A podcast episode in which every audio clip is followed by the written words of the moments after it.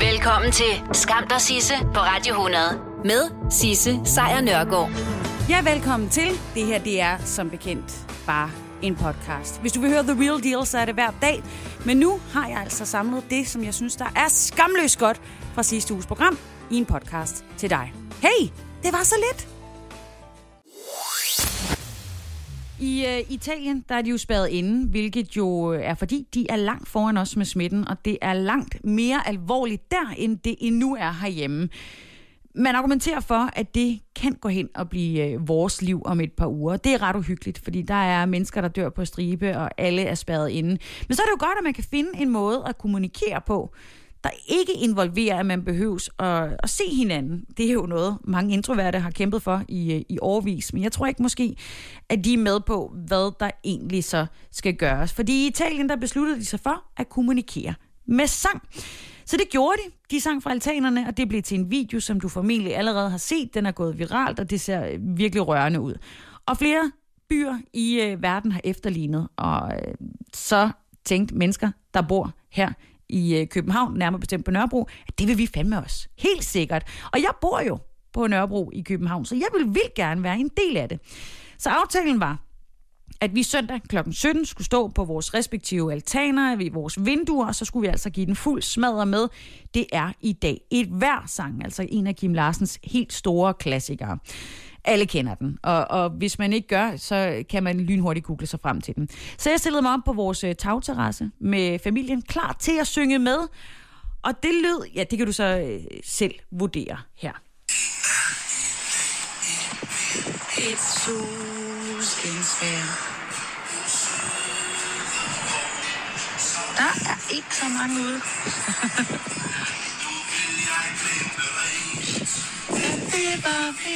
Jeg tror, at danskerne er så introverte, at der skal væsentligt mere inspiration til, før vi synger sammen.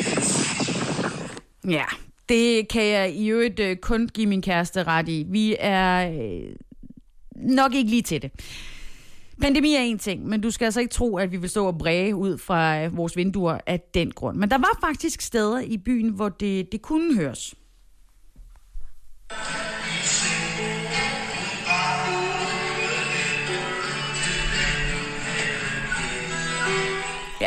Kunne høres, at der var flere mennesker, der i hvert fald spillede den samme sang rigtig mange steder. Så det var fint. Må ikke, at det øh, kan lade sig gøre næste søndag, fordi så prøver vi igen her på øh, Nørrebro. Og nu er øh, ideen jo derude, man kan jo gøre det, man kan jo virkelig være med. Og jeg tænker, hvorfor ikke også gøre det her på Radio 100? Jeg har fundet Kim Larsen frem for gemmerne, og du skal ikke snydes for den. Så det kan jo være, at du vil synge med derhjemme, og føle, at du er en, øh, en del af alle dem, der sidder og lytter med til Radio 100 lige nu. Så øh, find den gode sangstemme frem, film eventuelt dig selv eller din familie og, og synge med. Og så øh, del videoen med os andre, hvis du vil, så vi føler, at vi er en del af noget, der er større. Du kan dele den ind på vores Facebook. Det er bare Radio 100. Eller du kan sende den til os på Instagram, hvor vi også hedder Surprise Radio 100. Men skal vi ikke tage den sammen?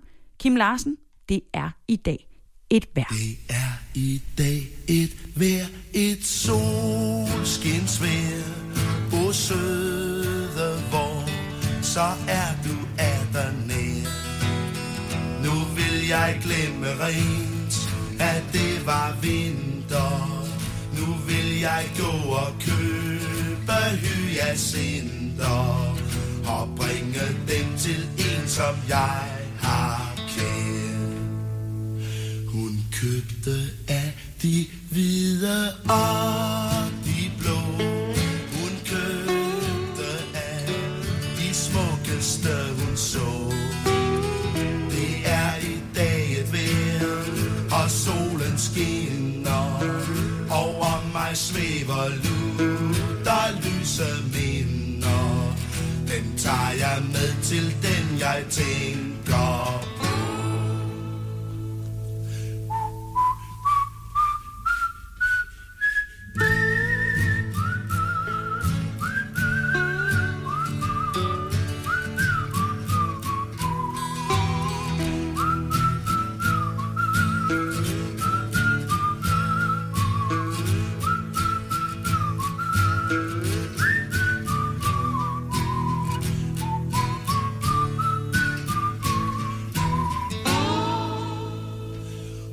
kyssede dem alle hver især. Hun bragte dem til dem, hun havde kær. Min ven, her kommer jeg med hyacinter. Min ven, nu glemmer vi, at det var vinter. Det er i dag et vejr, et sol Kim Larsen, det er i dag et værd, hvis du altså sang med og lavede en video, så del den endelig med os inde på vores Facebook-side. Og nu har jeg, øh, jeg, vil, jeg skulle til at sige mangel er bedre, hævet min familie i studiet, fordi vi er alligevel sammen uafbrudt nu på femte dagen. Og øh, min familie består jo af Esben og Ellie. Esben er 33 år. Ellie, du er hvor meget? 5 år. Fem år. Og du er lige blevet lidt sur, fordi vi har faktisk prøvet at optage det her en gang. Men med så mange ting i dag, så er der altså kiks i radioen, og det kommer vi til at leve med. Esben og Ellie, jeg har jo gemt mig lidt i studiet. Øhm, det må jeg undskylde. Men hvordan er det gået med jer? Ja, nu lyder det flot, når du siger studiet. Det er jo faktisk ikke et rigtigt studie. Eller hvad er det, øh, mor hun sidder nede i? Bedste forældreværelset i vores skolehus. Præcis. Øh, men det går sådan set fint, fordi vi har bare været oppe i lejligheden, og vi har lavet øh, lidt skoleopgaver, og selvom Melle ikke helt er startet endnu. Øh, og vi har været ude. Hvad lavede vi udenfor? Lavet bål og ristede skumviduser på. Ja, så på den måde er det gået godt. Vi har været at handle, og vi har ikke hamstret, og, og alt er godt. Perfekt. Og nu sidder vi jo faktisk i det, der hedder vores bedsteforældreværelse. Vi bor i et kollektiv, det gør vi på Nørrebro i København. Og i det her kollektiv, der har vi jo øh, ofte besøg af vores forældre, som er fra moderlandet Jylland. Men vi må jo ikke se vores bedsteforældre for tiden. Hvordan har du det med det, Ali? Jeg savner dem bare nogle gange lidt. Ja, det er lidt ærgerligt. Det havde været hyggeligt, hvis de var. Og især nu, hvor man skal være mange dage sammen, så havde det måske været meget rart, hvis man lige kunne, kunne være lidt sammen med dem. Men det går ikke, fordi de er over 60 år. Så de må blive hjemme. Normalt, når vi er sammen så meget, som vi er nu, så er det fordi, vi har ferie, øh, og vi kan være sammen, og der er ikke nogen, der skal arbejde og sådan nogle ting og sager. Ellie, hvordan synes du, det er at være hjemme med mor og far hele tiden?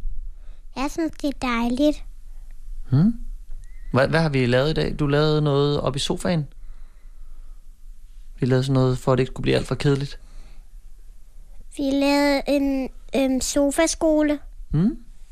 Først så skulle vi læse en bog, eller den blev læst højt, og så skulle man lave nogle opgaver til den, ikke?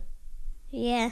Ja. Så det prøver vi lidt, at lave nogle ting hver dag, så det Og ikke vi har bare bliver... fået fem diamanter inde på nettet, fordi det, det kunne man få, hvis man var god til det sidste, som der var svært. Ja. Sådan, så vi er altså allerede i gang med at lære dig alle mulige fantastiske ting. Sikkert over et blændende stykke forældre, du er, Esben. Det er virkelig dejligt at høre, nu hvor jeg ikke er der lige, øh, lige pt. Men Esben, hvordan har du det egentlig? Jeg synes, det er meget hyggeligt. Altså, nogle gange ville det være dejligt bare lige at kunne være en tur et par timer og få lidt ro i hovedet, men øh, det kan jeg jo bare gøre på et tidspunkt. Og, øh, og så er det jo ikke sådan... Det er jo ikke vanvittigt meget anderledes fra mit normale hverdagsliv, hvor jeg også bare har sådan lidt møder, hist og pist, og mødes med, med min kollega Peter og laver podcast en gang imellem. Nu laver vi det bare lidt oftere, og så, øh, og så er jeg hjemme og, og leger en form for pædagog, skråstrej skolelærer, frokost, øh, leverandør. Så altså, status her på dag 5 øh, er, er okay. Altså, det er okay, det kører. Det skal nok gå, det her. Tror du ikke også, det er det? Det er jo kun 14 dage lige nu. Du øh, rykker på skuldrene. Ellie, hvad vil du gerne lave i morgen? Det ved jeg faktisk ikke helt. Hvis det stod til dig, hvad havde du så lyst til at lave hele dagen? Hvis det kun var dig, der skulle bestemme. Har du et godt bud? Det gider jeg ikke at sige. Hvad tror du, vi skulle være indenfor eller udenfor? Hvis det var dig, der bestemte. Indenfor. Indenfor. Okay, Jamen, det kan jo være, det er helt som det skal være for dig så. Øh, Esben, en sidste ting, jeg skal bare lige høre dig. Har vi øh, husket at købe øh, toiletpapir? Vi har masser af toiletpapir. Men jeg har set, at Ellie har været i gang med at bruge noget af det til at lave fint hår. Med hårspænder. Ja. Så det skal vi nok til at stoppe med. Og noget, du også kan regne med her på øh, kanalen i løbet af det kommende stykke tid, det er, at jeg kommer med nogle anbefalinger til, hvad du kan kaste dig over, når du er ved at være fed up to here med øh, coronavirus. Fordi det, det, det kommer du til at være. Det er mange informationer, og det er hele tiden, og det er hårdt. Og når der nu heller ikke er nogen måder at, at socialisere på med mennesker, altså udenfor, øh, du kan jo ringe, det, det kan man godt, men, men så vil jeg gerne komme med et bud på noget, som du måske kan kaste over i stedet for. Og det er Netflix. Netflix, ja! Yeah! Præcis. Og hvis du sidder lige nu og siger, jamen Sisse, jeg har ikke Netflix eller andre streamingtjenester, fordi det har jeg sparet væk, så kan jeg sige, fint nok. Men det ville på nuværende tidspunkt i verdenshistorien være det bedste tidspunkt at overveje at kanalisere nogle af de penge, du ellers vil bruge på, I don't know, druk, kaffe latte, en, en trøje, øh, og så kanalisere dem ind i måske nogle streamingtjenester, så du på en eller anden måde måske kan få aftenerne til at gå en lille smule hurtigere. Og den første ting, jeg gerne vil anbefale, i så fald, at du er besidder af et abonnement til Netflix, det vil være Mark Marons seneste show. Et show, der hedder Too Real. Af uansagelige årsager, så rammer han øh, fuldstændig spot on her i, øh, i krisen, fordi det handler om øh, noget, han mener er uundgåeligt, nemlig dommedag. Men dommedag på en, øh, hvad kan man kalde det, en filosoferende og ikke mindst morsom måde. The reason we're not more upset about the world ending environmentally is I think uh, you know all of us in our hearts really know that we did everything we could. You know, we really right? I mean, we really did. We we brought our own bags to the supermarket. Yeah, that's about it. I don't know what it'll take. Was the sky have to catch on fire? Would that do it? Fucking sky's on fire. God damn it. One guy standing there. The sky caught fire. I think in India. Burned for three days, then it rained for like a month. Burning sky's good for America.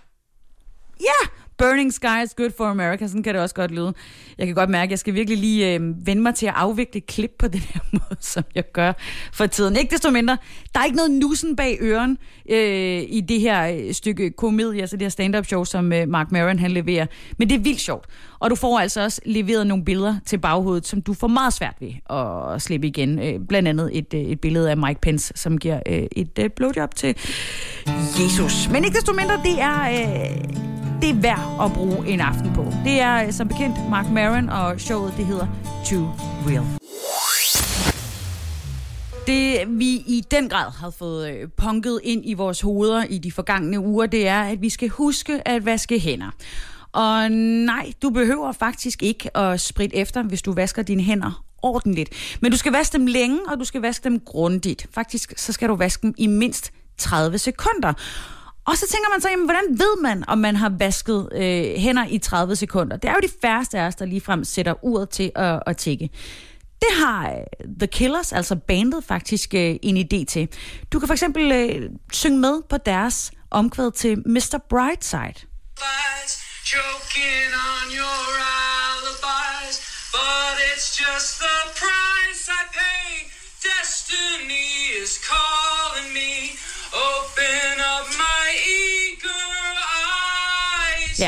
det der, det er altså øh, forsanger fra The Killers, der hedder øh, Brandon Flowers. Han har smidt en video på bandets Twitter, så du kan lære, øh, lære det sammen med ham. Der er kommet et nyt medlem af Salsa Cheese Klubben på MACD.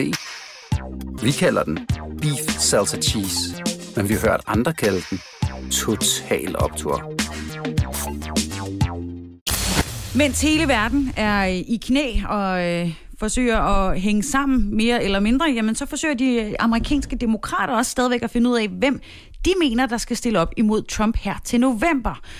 Altså hvis der bliver valg, og, og det ikke bliver rykket. Og den uhyggelige tanke, den lader vi bare blive lige der. Det er begrænset, hvor mange dårlige nyheder, jeg kan tillade mig at, at levere. Men de to kandidater, som er tilbage, det er jo som bekendt Feel the Burn, Bernie Sanders og Joe Biden. Bernie han førte jo helt vildt. Og det så ud som om, at øh, Biden ville tabe, og så byttede de roller, og nu ser det ud som om, at Joe Biden er den, der kommer til at gå hele vejen. Og i går der var der altså debat. En øh, debat imellem de to øh, kandidater, og der kom det frem, at Joe Biden han vil satse på at få en øh, kvinde med sig som vicepræsident. I commit that I will, in fact, appoint a, I'll pick a woman to be vice president. There are a number of women who are qualified to be president tomorrow. I would pick a woman to be my vice president. Ja, der er en del kvinder, der skulle være kvalificeret til at, at stille op med ham, og han er altså ret øh, overbevist om, at han vil vælge en af dem. Og som sagt, så er der jo også en del kvinder, der bakker ham op. For eksempel øh, Camilla Harris og øh, Butcher, som der jo også var en del af løbet ind til for ikke så lang tid siden. Om det bliver en af dem, der kommer op til at stille op sammen med ham som øh, vicepræsident, det har han ikke sagt noget om. Og det er jo, øh, det er jo klart, at øh, der skal en kvinde til. Det, er, det, giver, det giver mening for rigtig mange af os, og det gør det sådan set også for, øh, for Bernie Sanders. In all likelihood, I, I will. So my very strong tendency is to move in that direction. Ja, han har øh, en, øh, en skarp idé om, at han vil også arbejde imod at få en kvinde som vicepræsident. Og der har jo før været kvinder i spil til den her post som vicepræsident. Det er bare ikke rigtig sket endnu, at der er nogle af dem, der har fået. Øh, republikaneren Sarah Palin, hun øh, tabte jo som bekendt øh, til Joe Biden, kan man sige. Hun var jo republikaner, og han var ikke. han var demokrat og løb med, øh, med Obama, så, så hun røg ud til den ene side. Og inden hende, der skal vi faktisk helt tilbage til 80'erne, hvor en anden demokrat stillede op, og det var så Geraldine Ferraro, som øh, forsøgte på det tidspunkt. Men øh, nu kan der være endnu en på vej. Man kan jo krydse fingre. Du skal jo vidderligt have været i koma, eller øh, muligvis have boet under en øh, sten, for at undgå at vide, at hele verden lige nu er i pandemi panik. Altså, vi er i knæ, det kan ikke blive meget værre. Enten skal du bo under den der sten, eller også så skal du være med i et reality-program. Og det er lige nu noget, der udspiller sig i Tyskland. Det er nemlig den tyske version af det, der hedder Big Brother. Du ved, der hvor en øh, masse unge mennesker flytter ind i et hus, og så skal de være øh, noget så interessant at glo på, og enten blive stemt ud, eller blive inde, eller der kommer nye til. Det er reality i, øh, i første potens, om man vil. De her deltagere, der er med i det tyske Big Brother, de ved ingenting. Jeg gentager. De ved ingenting om den verden, som lige nu er i gang med at smelte sammen uden for deres vinduer. Holdet her i, øh, i Big Brother, de gik ind i huset den 6. februar, og så har de altså ikke fået noget at vide om, hvad der er sket i mellemtiden. Det er sådan rimelig hissigt. Fordi da de gik ind i deres lille øh, reality boble så var der nogle få isolerede tilfælde i Europa. Det var, ikke, det var ikke det, der var allerøverst på dagsordenen. På det tidspunkt, der snakkede vi stadigvæk om klimaet og om, øh, ja, det var det, ikke? Vi snakkede om klimaet, det var det, vi snakkede om. Øhm, og så var det det så gik de ind i karantæne. Tyskland har øh, i dag øh, lidt over 3.000 ramte, og der er seks mennesker, der er døde af coronavirus. Men der er ingen i den her Big Brother-sæson, der aner, hvad der foregår. I øvrigt skal man lige tænke, at det er også ret vildt, at Tyskland ikke har flere ramte, men øh, det er sådan en anden sag sag. Der er ikke noget, jeg lige kan komme med af smarte bemærkninger der. Der er kommet flere ind i Big Brother-huset siden den øh, 6. Februar, hvor de begyndte. De har alle sammen fået at vide, at de intet må sige om situationen udenfor. Så dem, der altså har været med fra begyndelsen, de ved fortsat ingenting. Og tv-stationen, som jo sender det her øh, Big Brother, de har været ude og forsvare deres beslutning, og de har forklaret, at øh, det er altså måden, man er en del af Big Brother-huset på. Man ved ingenting udefra, men hvis det skulle ske, at nogle af de her reality-stjerners øh, venner eller pårørende bliver syge, så får de det at vide, og så kommer de selvfølgelig ud. Skam der Sisse på Radio 100 præsenterer Skammens top 3.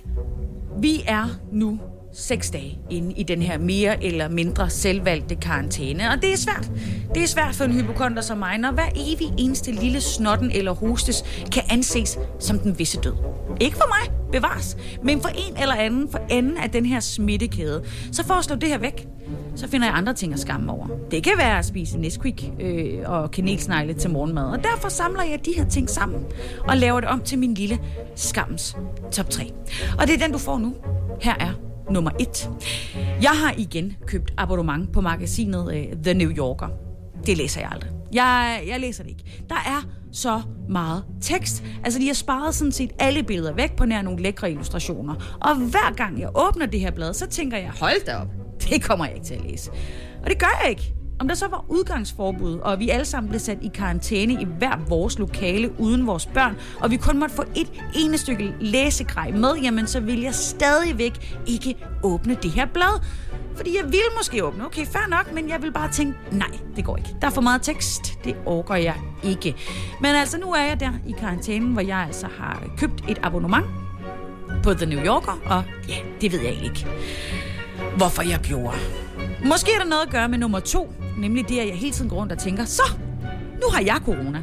Altså, det giver ikke mening, da jeg pretty much levede et karantæneliv inden hele den her pandemi. Men hvis jeg lige hoster, eller hvis jeg bliver lidt stakåndet, så er jeg straks over i at læse gennemsnitsalder for døde. Og det er virkelig, virkelig ikke det bedste setup for en hypokonter under en pandemi. Så lad være med at læse om de her hjerteskærende fortællinger om unge kinesere, som ikke klarede den bare. Lad være. Og gør som mig som er nummer tre, nemlig at jeg holder mig beskæftiget. Jeg er som en goddamn Robinson Crusoe. Jeg sætter det ene projekt i gang efter det andet for ikke at blive vanvittig. Og i dag, der var det surdej, det var lidt hjemmelavet Nutella, en omgang Kasse, kasse, kasser med ungerne, og der er noget forspirende og noget banankage. Men mit problem er, at jeg er på ingen måde skabt til at multitaske.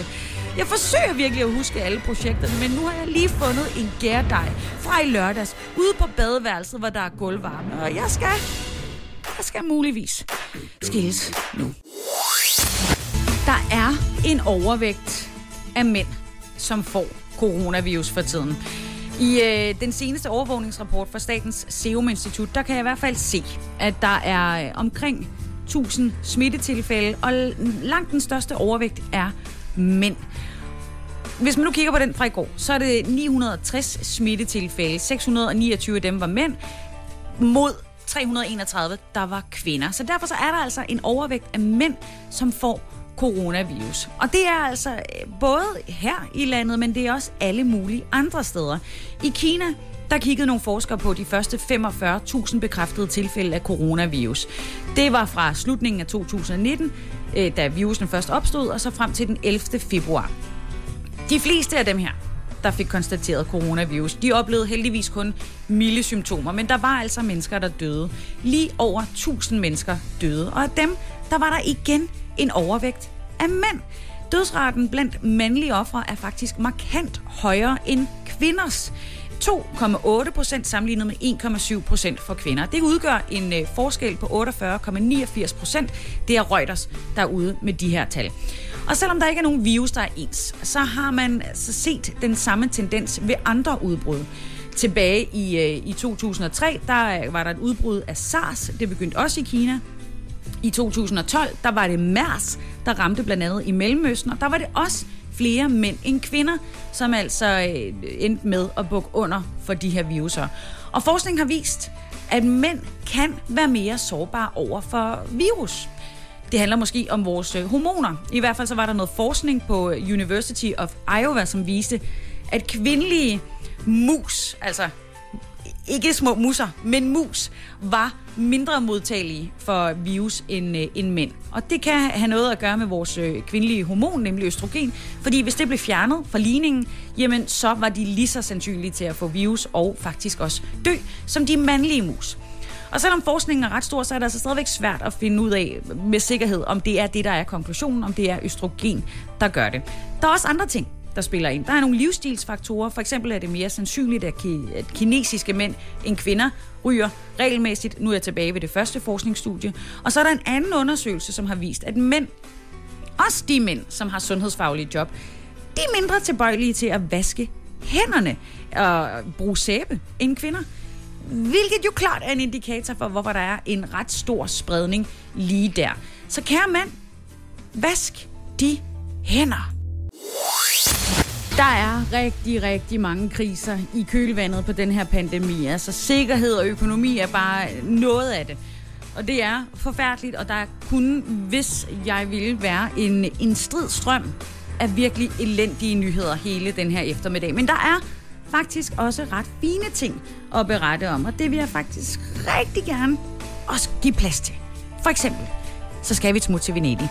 En af Italiens allerstørste turistmagneter, det er øh, Venedig, der er øh, den lille by på pæle, hvor man kan sejle igennem kanaler, og det er der mennesker, der gør stort set hele tiden. Der er besøgende året rundt, og det har været et kæmpe problem for Venedig. Men lige nu, der er der lockdown. Coronaviruset, det er jo i gang med at sprede sig, og især i Italien er den helt gal. Men lokalbefolkningen i Venedig har faktisk bemærket, at der er en sidegevinst. En, øh, en sidegevinst, som består i, at vandet i byens kanaler er blevet meget klarere på det sidste. Og endda øh, med små synlige fisk, som svømmer rundt. Det, øh, det er simpelthen sket. Der er flere mennesker, som der har uploadet fotos til øh, Facebook. De har lavet sådan en gruppe, der hedder Clean Venice. Og der kan man altså se videoer og billeder af vandet i de her mange kanaler. Og det er umiskendeligt helt rent. Man kan se bunden, og man kan se fisk. I, øh, I gruppen der skriver øh, nogle af brugerne blandt andet, at øh, hvor er det dejligt at se, at naturen genoptager sit liv. Og andre skriver, hvilket vidunder dette Venedig er. Den her virus har bragt noget smukt. Men selvom det kan se pænt ud, og vi alle sammen kan juble over det, så siger Venedigs borgmesterkontor altså til CNN, som altså har bragt den her historie, det er ikke rigtig øh, skyldes, at vandet i den, altså, øh, kvaliteten af vandet er blevet bedre. Det handler bare om, at der er mindre trafik på kanalerne nu. Og når der er mindre bådtrafik, øh, som der jo normalt er konstant, og det bringer hele tiden bundens slam og sand op i toppen af vandoverfladen, jamen så, så ser vandet beskidt ud. Men nu hvor der ikke er noget trafik, jamen så er det jo til at kigge ned på bunden. Så vandforureningen er muligvis ikke faldet. Men til gengæld, så er luftkvaliteten blevet forbedret i Venedig. Det øh, fortæller talsmanden altså fra øh, borgmesterkontoret. Luften er mindre forurenet, og, og, og det er jo et kæmpe plus. Det bliver vi nødt til at huske. Det er et kæmpe plus, at der ikke er så mange ude og køre biler. Så øh, der har jo været alle mulige problemer i Italien, og også i Venedig, og alle har måttet imødekomme nogle af de værste, ja, de værste krigstider overhovedet.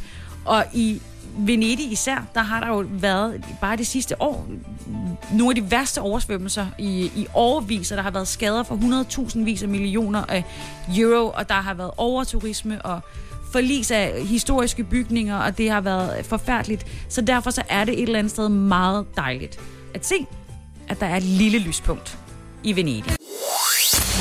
I enhver, der ved bare lidt om det her program, vil også vide, at øh, når det handler om Eurovision, så jeg er helt på duberne. Jeg synes, det er øh, så sjovt og så spændende, og derfor så er det også en virkelig træls nyhed for mig at finde ud af, at øh, Eurovision Song Contest, altså det, der i mange år blev kendt herhjemme som det europæiske Melodi Grand Prix, det er blevet aflyst. Det skulle være holdt her i øh, maj måned i Rotterdam i, øh, i Holland, og de har sagt, det går ikke. Man kan ikke forsvarligt hive tusindvis af mennesker til en halv øh, fra hele Europa og også store dele af verden for at mødes i et stort øh, gruppekram der, og nej, de bliver nødt til at aflyse. Og det, det giver jo mening. Det giver jo øh, fin mening. Også hos DR, som jo havde øh, tænkt sig at sende Ben and Tan afsted med, med, med Yes-sangen. Det er altså redaktør for underholdning, Jan Lærman Lundme. Han siger, at øh, de forstår. Det er en, en, øh, en udmelding, som set i lyset af situationen i Europa lige nu giver god mening. Og lige nu der skal alle kræfter jo bruges på at komme coronavirusen til livs. Det siger han altså til, til DR. Og det er mega ærgerligt, især også for Ben og Tan, som der jo vandt foran et fuldstændig mennesketomt Royal Arena her for et par uger siden, da det danske Grand Prix blev afviklet. Og det er skidesynd. Det er mega, mega synd for os, for dem og for os alle. Og hvis du går rundt og tænker, åh, jeg kunne virkelig godt kunne lide lidt Grand Prix, jamen så har jeg faktisk lavet en podcast. Yes, jeg har lavet den for et par år siden, men den er stadigvæk god. Hvis du går ind og finder den, så øh, hedder den Vores Melodi Grand Prix. Den skulle ligge alle steder, hvor man finder podcast. Altså Vores Melodi Grand Prix. Men er det så det eneste, der ryger? Altså er Eurovision det eneste, der ryger? Og det er det jo så ikke. I England der har de været ude og aflyse den store Glastonbury Festival, som, som ligger på omtrent samme tidspunkt som vores Roskilde Festival. Men øh, Roskilde Festival har sagt, de kæmper videre. De tror stadigvæk på, at vi om nogle måneder kan få lov til at mødes 100.000 mennesker i et stort gruppekram på dyreskuepladsen uden for Roskilde. Og damn, hvor jeg håber, håber, håber, at de har ret. Men hvis vi lige kigger på nogle af de andre festivaler, så er der jo den fynske Heartland Festival, det er i, i slutningen af maj. De siger, de fortsætter, øh, og de planlægger altså stadigvæk at afholde den. Så er der Northside og Tinderbox, og de bliver jo afholdt af et firma, der hedder Down the Drain. Og de er lidt svære at få fat i, men de vil altså se på, om øh, hvad de officielle retningslinjer fra myndighederne, de siger. Så er der Copenhagen på Refsaleøen i, øh, i København, og de siger, at vi ser frem imod sommerens Copenhagen med stor optimisme, knokler med at planlægge en fantastisk festival, og håber altså, at de selvfølgelig kan få lov til at afholde den, men tager naturligvis sikkerheden alvorligt. Så er der jo Smukfest til august. De følger også med, men der er stadigvæk mange måneder til, så de aflyser ikke forløbig. Og så er der jo en festival i København, der er aflyst, og det er Distortion. Den skulle være afholdt her i begyndelsen af juni måned, men nu har de rykket den aflyst er jo et forkert ord. De har rykket den til august. I begyndelsen af ugen, der fik jeg jo besøg af Hanne Katrine Rasmussen, også kendt som Ukulele Hanne, og vi sad jo ved et lejrbål for at finde ud af, hvordan den her sang den skulle lyde. Det lyder hyggeligt. Jeg har altså stadigvæk besøg af Hanne-Katrine Rasmussen her i vores øh, have på Nørrebro. Hanne, du er jo også kendt som ukulele, Hanne, og vi sidder øh, godt... Øh, der er en god mellemrum imellem øh, os to, øh, og sådan skal det jo være nu. Havde det været for en måned siden, så havde vi måske lige givet en krammer, da vi så hinanden. Men det kan vi jo ikke nu, fordi alting er anderledes, end det bare var for en uge siden, eller for en måned siden. Og det kunne jeg godt tænke mig, at, øh, at vi to, vi arbejdede lidt med. Jeg kunne godt tænke mig at lave en karantænesang. Ja, ja. God idé. Ja, ikke? Vi har jo faktisk snakket om det forvejen. Det, altså, det var også lidt, jeg, jeg har det som om, vi har kastet det under bussen der. Men det er en god idé, og det vi, vi to har snakket om. Hov, der skal lige helst lidt skrald i en skraldespand. Det skal også passes. Jeg sidder jo som sagt ude i vores gård i København. Der er ligesom et leben omkring os. Men en karantænesang, en sang, der skal handle om nogle af de her ting, som der er anderledes for tiden. Nu snakkede jeg jo lige om det der med, at vi gav ikke hinanden et knus, selvom det er lang tid siden, vi har set hinanden. Ja. Hvad, er der, hvad, hvad er ellers anderledes? Altså, det er lidt svært for dig at komme ud og optræde de her dage, ja. kan man sige. Ja. Det er svært at samles med ens venner, men også sådan andre ting. Altså, hvad, hvad kunne det være? Og der kunne jeg godt tænke mig at få lytterne med. Hvis I vil øh, give jeres bud inde på Facebook, om hvad det er, vi skal have med i vores karantænesang, så sætter vi to os til at lave en sammen. Og jeg ved, at du har, øhm, du har en idé til, hvad for noget musik vi kunne bruge. Ja, jeg, jeg har tænkt lidt over, hvordan, man kunne, øh, hvordan vi kan finde en melodi, der kunne være meget sjov og lidt... Øh, ikke, ikke alt for alvorligt, ja. tænker jeg. Nej, det må Når det ikke. Det bliver lidt alvorligt for tiden, ikke? Ja. Så jeg er meget varm på tanken om at lave det på Fy Fy Skamme. Ja. Med Omsen og Momsen. Omsen Måske øh, Momsen, kender ja. I... Øh, må man danse sig i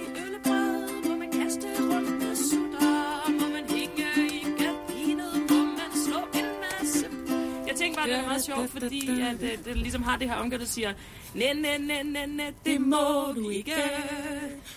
Den er god. Hanne, den er virkelig, virkelig god, fordi den jo lige præcis øh, kan, der kan man ramse alle de ting op, som vi ikke må for tiden. Den kan også være lidt svær, muligvis. Så derfor har jeg også tænkt, at det også kunne være øh, papirsklip ja. med Kim Larsen. Altså den, der siger, nu, nu min verden bliver kold og forladt, finder jeg trøst i min kæreste skat. Klipper motiver med drømme og saks. Papirsilhuetter af den fineste slags. Altså, Kim Larsen går jo altid rent ind. Jamen, det, er jo- det er jo det, jeg ved. Men Hanne, vi to, vi arbejder videre på det, og så hvis, øh, hvis du, der lytter med, går rundt og tænker lidt over, hvad er det, jeg savner, hvad er anderledes nu, jamen så gå ind og skriv dine betragtninger ned på, øh, på Facebook. Vi, øh, vi samler det hele sammen, og så øh, kommunikerer vi jo på sikker afstand, Hanne, ja. det skal vi, i løbet af de næste par dage og samle op på det i slutningen af ugen. Ja, og vi samlede altså op på det i aftes, og øh, vi er klar. Vi er klar med sangen Karantænesangen fra Radio 100's Lytter og Ukulele Hanne. Hanne Katrine Rasmussen, du er også kendt som Ukulele Hanne, og øh, vi to vi mødtes jo tidligere på ugen foran et øh, lejrbål. Vi var afsprittet, og vi havde øh, god øh, plads imellem os, men det er ikke nok længere. Nu skal vi altså ikke overhovedet mødes. Så øh, vi sidder i hver vores ende af, af København, og øh, skal til at, at optage den sang, som vi to vi har arbejdet på de sidste par dage. Vores karantænesang. Ja, sammen med lytterne. Sammen med lytterne nemlig. Og, og jeg har jo sendt dig nogle af de øh, idéer og de, de ting, som mennesker taler om lige for tiden. Og, og hvad har du tænkt over undervejs, altså når vi nu har, øh, har skrevet frem og tilbage? Hvad, hvad synes du, der er gået igen? Der er helt klart gået igen den fysiske kontakt. Der er en del, der siger, at det, det er ensomt. Det er hårdt ikke at se nogen. Så er der dem, hvor det, som kender folk, der øh, ligger på hospitalet, og der må man jo ikke komme ind længere, så øh, hvis ikke man har noget nødvendigt der. Så øh, det, det, det har jeg kunne se. Der er mange, der gerne vil have et kram. Et ordentligt kram. Ja, altså der er noget ensomhed, der går igen. Så er der, ja. så er der sådan noget med, at folk er begyndt at savne de underligste ting, synes jeg. Øh, storrumskontoret. Den lagde jeg mærke til at tænke, det var da, what? Der gik ikke lang tid, før man savnede sine kollegaer. Dem man bare Der- næsten tænker, kan I ikke der stille? At, øh, jo, øh, at hun også var begyndt at savne folk, der råbte ud i storrumskon- storrumskontoret med spørgsmål, som hun ellers normalt hader. Ja. Men nu er der så stille, at man er begyndt at, at savne de små irriterende ting. Der er jo mange ting, der også er blevet aflyst, og det er jo også noget, som jeg synes, der gik igen. Altså, der var mange, der var ked af, at nu øh, skal vi ikke se Eurovision her i maj måned. Der er, det er lidt ærgerligt. Dronningen fylder 80 i år, og, og det er jo også blevet aflyst. Og, ja. og EM... Eller rykket i hvert fald, ikke? Så, og EM. Øh, og det, som jeg også synes, der var interessant, det er det der med, at der er rigtig mange mennesker derude lige nu, der både arbejder 9-16, samtidig med, at de også er blevet skolelærer for børn på forskellige alderstrin. Ikke? Der, var, der var mange gode ting at, at tage med. Og det var så fint at se, hvad andre folk tænker på i de her dage, fordi det er jo altså svært at vide, hvad der foregår hos, inde i de andre hjem, når man sidder hjemme hos sig selv, ikke? Ja, det, man plejer jo bare at, at gå over og sige hej, ikke? Nå, men, ja. men øh, vi skrev sangen, og det var jo egentlig oprindeligt, så arbejdede vi jo lidt med fy-fy-skamme. Ja. Men så var der nogle unge skiderikker over på en radiokanal, der hedder P3, som fandt på den samme idé. Ja. Så vi sad lidt om, og vi mødtes i papirsklip. Hvad er det, den sang kan, Hanne? Den kan det, at den, øh, den har det her sådan lidt samlende omkvæd, synes jeg, øh, som vi genkender hurtigt, og man får lyst til lige at synge det en gang til, og ja, og man kan sige, i, i forhold til Fy Fy Skamme, så er papirslip lidt mere, øh, hvad hedder det, sådan øh, tankefuld, altså lidt mere sådan eftertænksom. Øh, og det synes jeg egentlig passer meget godt til de svar, der er kommet fra lytterne. Så på den måde var det ikke nogen øh, skør idé at sadle lidt om. Nu har vi jo skrevet sangen. Vi blev færdige øh, en gang i aftes. Øhm, hvad tænker du om den? Jeg synes, vi har rammet, øh, vi har rammet det ind meget godt, faktisk. Det gik, øh, det gik fint. Taget betragtning af, at jeg, jeg, jeg, jeg synes, det var lidt svært at finde ud af, hvordan skulle, jeg, hvordan skulle vi formidle folk, der har det lidt svært. Altså, det er jo en svær situation, vi er i. Men samtidig med et glimt i øjet, øh, og sørge for at huske på, at der er også en tid på den anden side, hvor vi kan se hinanden igen. Det, øh, det bliver kendt som øh, befrielsen 2, at når det kommer til at ske. Præcis. Og så skal vi altså til det. Karantænesangen, som den altså lyder, når den er optaget over en Skype-forbindelse og med mikrofoner og så videre, og så videre. Vi prøvede vores bedste, og øh, vi ville jo selvfølgelig allerhelst have mødtes og have sunget den her sang sammen. Men altså, vi mødtes på den måde, som vi mødes i de her dage via internettet. Og sådan her lød det. Normalt kan du skille ad familie og kontor. Nu er du på job, men også lidt mor. Med deadline, lektier, tre børn og så job. Det kræver sin kvinde for det hele til at gå op. Du bor alene, og det kunne du lide. Mange venner, der bare kom forbi. Nu ser du ingen, og du mangler et kram. Skype er godt, men du savner ham. Kysset bliver vådt, krammet bliver langt. Så snart vi ser hinanden næste gang. Corona.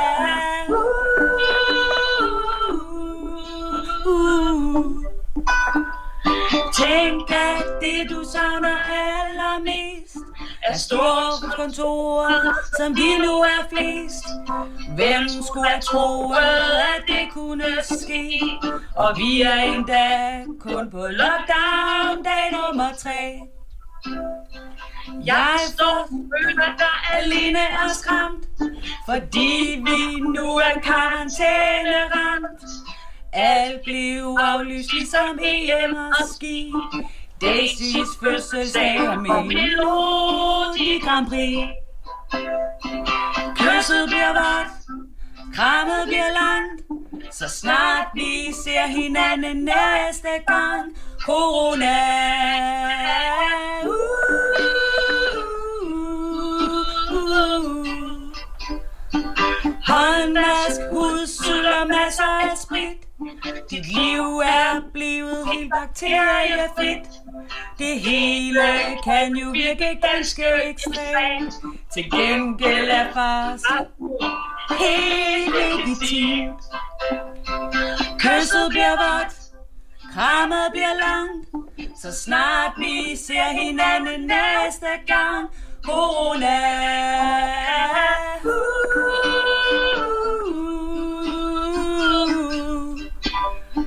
Mor og jeg er færdig. Faro, min iPad. Hvor skal vi hygge? Kysset bliver vådt, krammet bliver langt. Så snart vi ser hinanden næste gang. Corona. Uh.